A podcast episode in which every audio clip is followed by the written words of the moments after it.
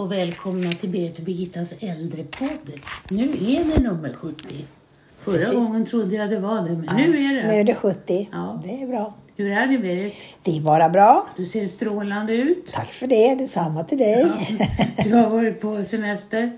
det har varit jätteskönt. Ja, Varmt och skönt. Ja, kom. Och idag är det höst. Idag är det höst. Mm. Kallt och lite ruggigt. Det var minusgrader i morse. Ja, var det. Ehm, Så det är tur att man har plockat in alla blommor och så nu då. Och det har inte jag gjort, men det ska jag göra i helgen. Ja, Ja. ja. Så är det. Så är det. Idag ska vi prata om AI. Som ju betyder artificiell intelligens. Ja.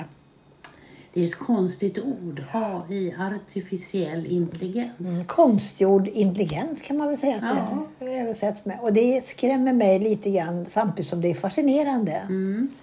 Ehm, och ehm, det, ja, det kommer säkert att, att användas väldigt mycket inom, inom både äldreomsorg och annan vård. Och inom vården, alltså inom den traditionella sjukvården, så har jag förstått på det man har kunnat tagit del av nu att den har gjort väldigt mycket nytta redan.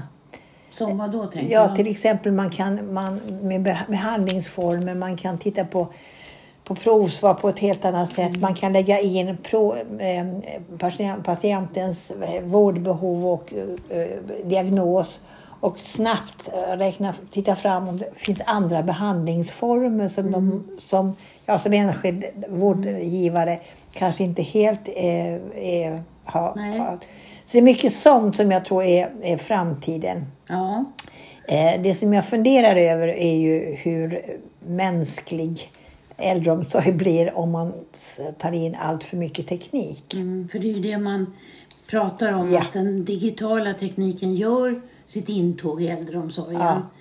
Eh, Men ska vi välkomna utvecklingen eller ska vi, finns det skäl att oroa sig för en framtid där den mänskliga kontakten minskar? Jag tror att vi, vi ska oroa oss och vi ska vara väldigt kritiska. Men vi har nog inget val. För det här kommer vare sig vi vill eller inte, tror jag. Eh, Och det finns ju väldigt många olika digitala hjälpmedel som man använder sig av idag. Och jag läste någon artikel om, jag tror att det var Sundsvall, där man hade infört en typ av teknik som gjorde att fallen hade minskat. Och jag funderade jättemycket på det här. Vad är, vad är det för någonting som gör att fallen minskar? Men då kom jag fram till att det finns ju redan idag och används ju flitigt och har gjort i många år sådana här fallsensorer som registrerar fall hos en person. Eh, och, och det är klart att om man registrerar en persons fall och lägger in dem i ett system så kanske man kan se när, när man faller. Och då kan man sätta in kanske förebyggande insatser. Att man vid den här tidpunkten går dit och följer den här personen på toaletten eller gör något annat. Man vet att klockan tre på natten ramlar den här personen ofta så det kan vara i samband med att de behöver gå på toaletten. Mm, precis. Jo, det finns säkert mycket sånt där man kan ta, ta del av. Men, men samtidigt så måste det ju ändå finnas personal där som, som kan utföra det här även om teknik. Jag tänker på om man har en, en sån eh, matta hemma till exempel. Vad händer då? Eh, hur, ska, hur ska man kunna ta hjälp av det? Ja, det finns mycket frågetecken kring det känner jag. Absolut. Men sen finns ju också de här, en annan teknik som har använts ganska länge, det är ju nattkameror. Ja. Det har funnits länge. Ja, de har ju funnits länge. Eh, och nattkamera är ju en form utav där man övervakar en person vid, vid bestämda tidpunkter. Man kommer ju överens om att klockan 12 eller 3 eller 2 eller 5 så sätter vi igång kameran och tittar hur du har det. Och då kan den här personen se att det blinkar i den här kameran.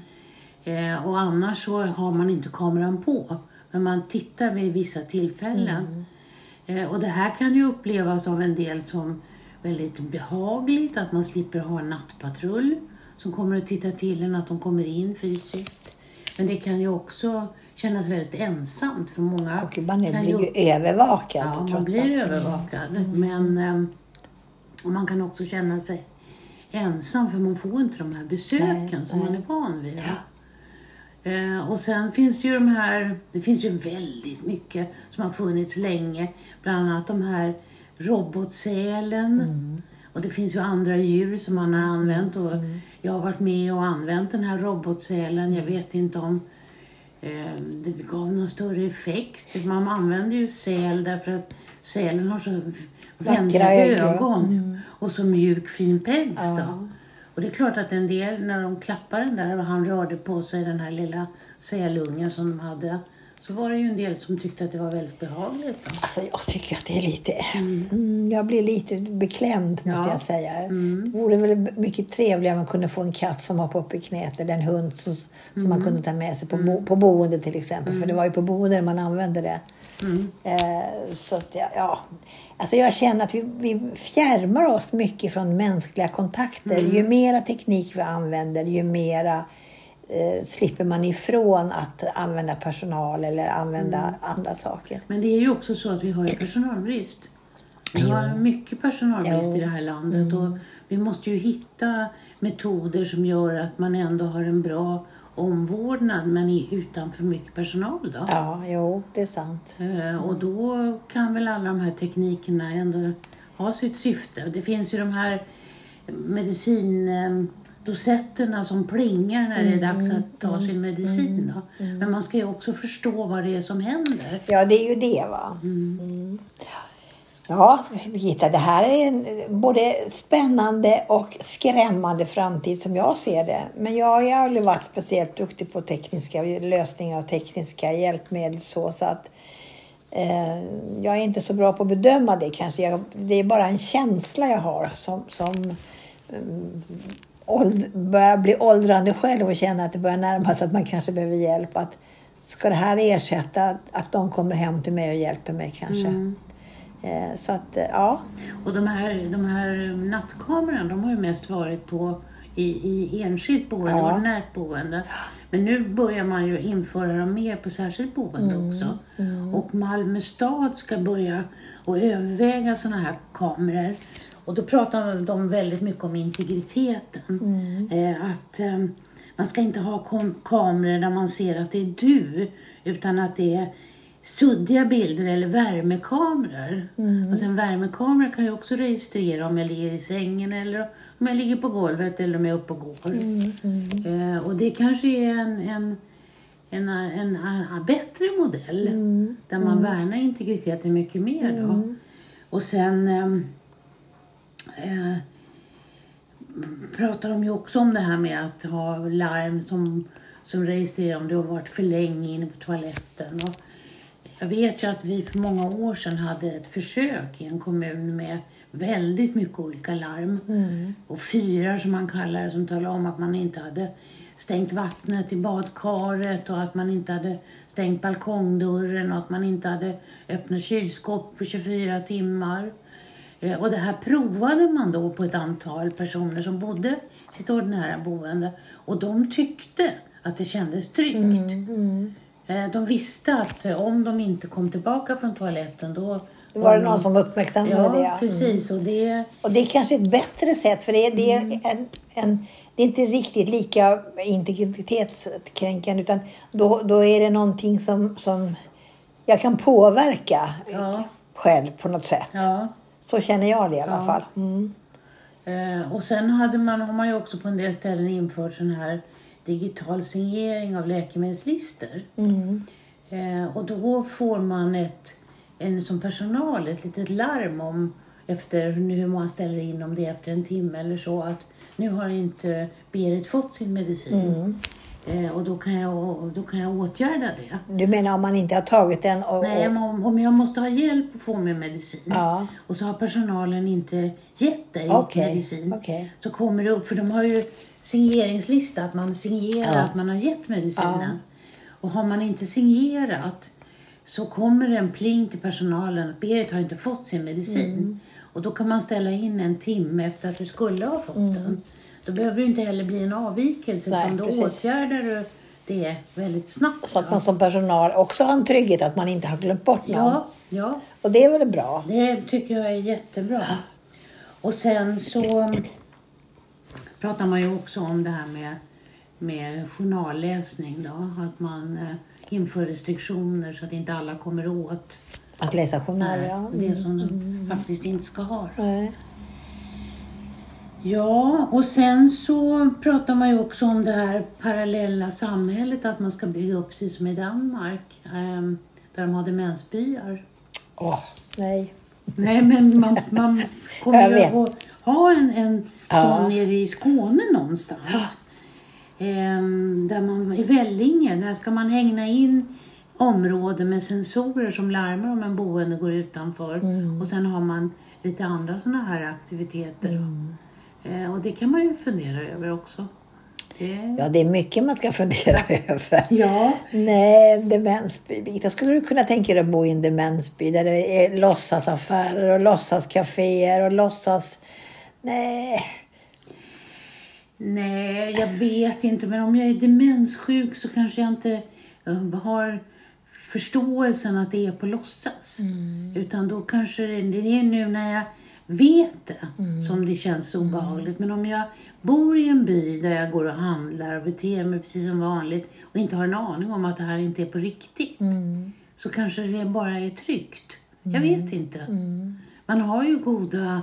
Det skulle vara spännande att besöka en sån by, om hur den fungerar och hur det liksom... Ja, men de är ju ganska nöjda i Danmark och Holland där de har haft en del sådana här. ja. Eh, och säger att personer mår bra. Och de får ju ändå röra sig fritt och, och sen med viss begränsning då. Men jag, jag Det, fin, finns ju också möjlighet att sätta på GPS på, i, i klänningsfållen eller byxfickan så man ändå kan följa personen. Det har ju vi haft på, på några som vi, har varit, som vi har känt till, eller hur? Ja, men vi har ju inte fått ha det. Nej, jag vet. Men, Vi prov, men, jo, men det var ju så att anhöriga godkände det. För att det fanns ju människor som ville ut och röra på sig i byn. men och, då var det ju så att då måste ju anhöriga ansvara Ja, för det här ja. och inte personalen. Men det, det är ju också en lösning som kanske är mera smakfull tycker jag då. Att man, Ja. man som, ja, Fast man lägger ett väldigt stort ansvar på anhöriga. nej, men att man ska få tillåtelse till det tänker jag. Ja, fast det tillåter ju inte lagstiftningen. Nej, men det skulle jag vilja att man Ja, gjorde. ja. För det tycker jag skulle vara... För det, så är det ju idag. Jag menar, Mm. man har ju hittat i sin telefon och om, om eh, man försvinner Mm. själv ut i skogen så vet man ju... Eller eh, larm, om larmpersonal Mm. kan ju se om man har gått och ramlat i skogen. Så det tycker jag skulle vara en bättre lösning. Men då har du ju själv varit med och bestämt. Jo, jo, men, men, men den, den förändringen tycker jag skulle vara mera... Ja, jag skulle tycka det var bättre. Ja. Ja, så kan det vara. Apropå det här med teknik. Ja, sen finns det ju såna här AI-byster. Som, och AI-byst är ju någon som, som, du, som inte finns på riktigt men som du pratar med. Okej. Kanske i en liten kamera då. Som du är väldigt orolig hela tiden frågar om. Vad är jag någonstans och vad är klockan och lite sånt där. Eller när kommer hemtjänsten? Vad finns, vad, hur, hur ser den ut då? kan den här bysten svara? En byst? Ja, man kallar den för byst. Ehm, ehm, ja, jag kan inte riktigt svara, men det är väl som en, en liten kamera eller en liten TV Okej. där det finns någon som kan svara på dina frågor. Ja. Fast det är inte en person, riktig person som sitter där. Okej. Men ehm, ja, Ja, det är ungefär som Siri i telefon. Ja. Var, är jag nu någonstans? Och Siri svarar mig då. ja precis. Okej. okej. Mm, Mm. Det är väl så. Ja. Det är det. Eh, och sen så finns det ju en, en eh, finns ju de som pratar om det här att teknik hindrar självständigheten hos äldre. Då. Mm. Och det finns ju en avhandling gjord ganska nyligen som handlar om det här. Att det är, alltså hur- vad, vad upplever hon, hur upplever man det här? Kommunerna vill att man ska utöka tekniken just därför att man kan ersätta personal. Men vad tycker de äldre själva? Ja. ja. Och vad tycker de? Ja, de pratar om att de har svårt att klara sig själva. De minskar självständigheten. Eh, och att eh, tycker inte riktigt om att man träffar vården på en bildskärm. Nej. Man får inte den här kontakten. Eh, och att eh, pensionärsorganisationerna säger att de som, eh, att de som saknar anhöriga som IT-pigga barnbarn är chanslösa idag.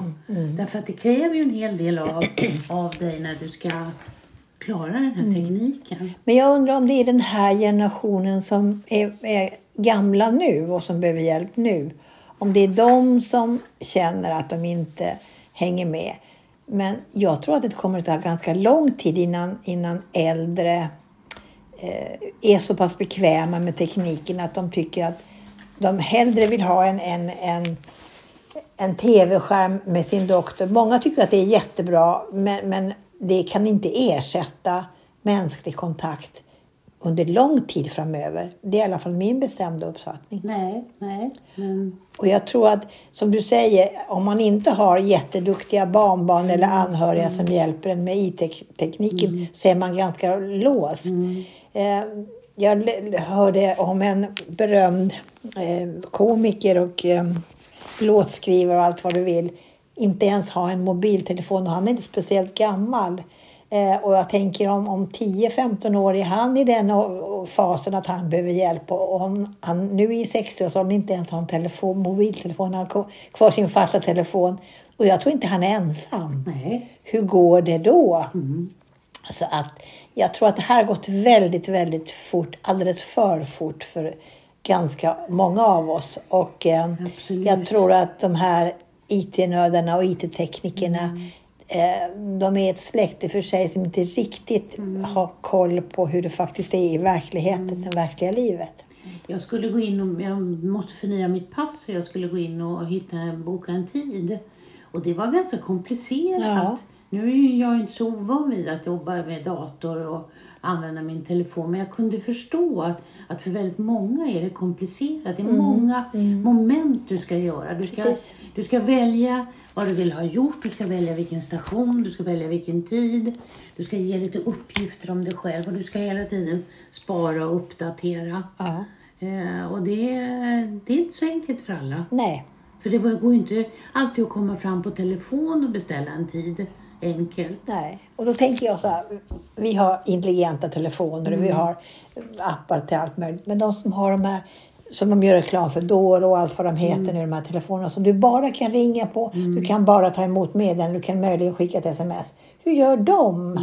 Eh, det så att eh, de vi har lång väg att gå tills man är i fas med det här vad teknikerna vill åstadkomma tror jag. Eh, man tittade i den här avhandlingen som jag pratade om, så tittade man på de äldres egna erfarenheter. Eh, och de såg en fara med välfärdsteknik. De befarade att ensamheten skulle öka, att samhället skulle bli kallare. Och att de menar, precis som vi sa förut, att det var bara äldre med anhöriga som har en chans. Ja, jag tror det. Eh, och det är barn och barnbarn som lär dem hur eh, man ska använda tekniken Mm. och att har man inte den, den möjligheten då blir man exkluderad ur Ja, samhället. ja. Eh, och det är en skrämmande utveckling. Och så är det ju idag. Du kan inte beställa en bil, du kan, inte- du kan inte beställa en biljett, du kan inte göra någonting om du inte har eh, en teknisk lösning. Nej. Jag var lyssnade på Björn Ranelid häromdagen. Jag var på en seniormässa i Stockholm. Ja. Och då var han en av föreläsarna och han pratade bland annat om det här med att han skulle beställa en taxi. Och han fick inte beställa en taxi till vart han skulle utan var taxin skulle hämta honom. Men han kunde inte tala om vart han ville åka utan det var var ska taxin hämta dig? Och sen fick man lösa det i bilen då. Men, och det är också mm, märkligt för förr sa man ju alltid jag ska hämtas på Götgatan och Och jag jag ska, ska- till ja. Södersjukhuset. Ja. Och så är det inte idag. Nej. Och det är samma sak där du kan inte ringa oftast efter en taxi utan du måste ha en, en, en, en app på, och, som, är, som är kopplad till ditt eh, bankkort. Så att du betalar taxin i förväg. Jaså? Ja, det är det nyaste när det gäller eh, eh, taxi på i väldigt många orter. Okej. Ja. Ja. Så att eh, ja, det, det är inte så enkelt om man inte är teknikvan. Nej, det är det inte. Det det väl- finns mycket positivt med AI. Absolut, absolut. mycket positivt, precis som du inledde med det här att man kan få hjälp och hitta diagnoser och hitta behandlingsmetoder som man inte har tänkt på. Men det finns också mycket annat att fundera över. Absolut. Det är hur minskar vi, alltså ger det ensamhet? Exkluderar vi vissa därför att de inte klarar tekniken och inte förstår den? Nej, precis. Så att vi, får- vi har nog anledning att återkomma och hålla noga koll på det här. Framförallt när det gäller äldreomsorgens Ja, absolut. framtida eh, IT-behov. Ja, Så det får vi väl sluta med. ja tack, Tack för idag. Hej. Tack.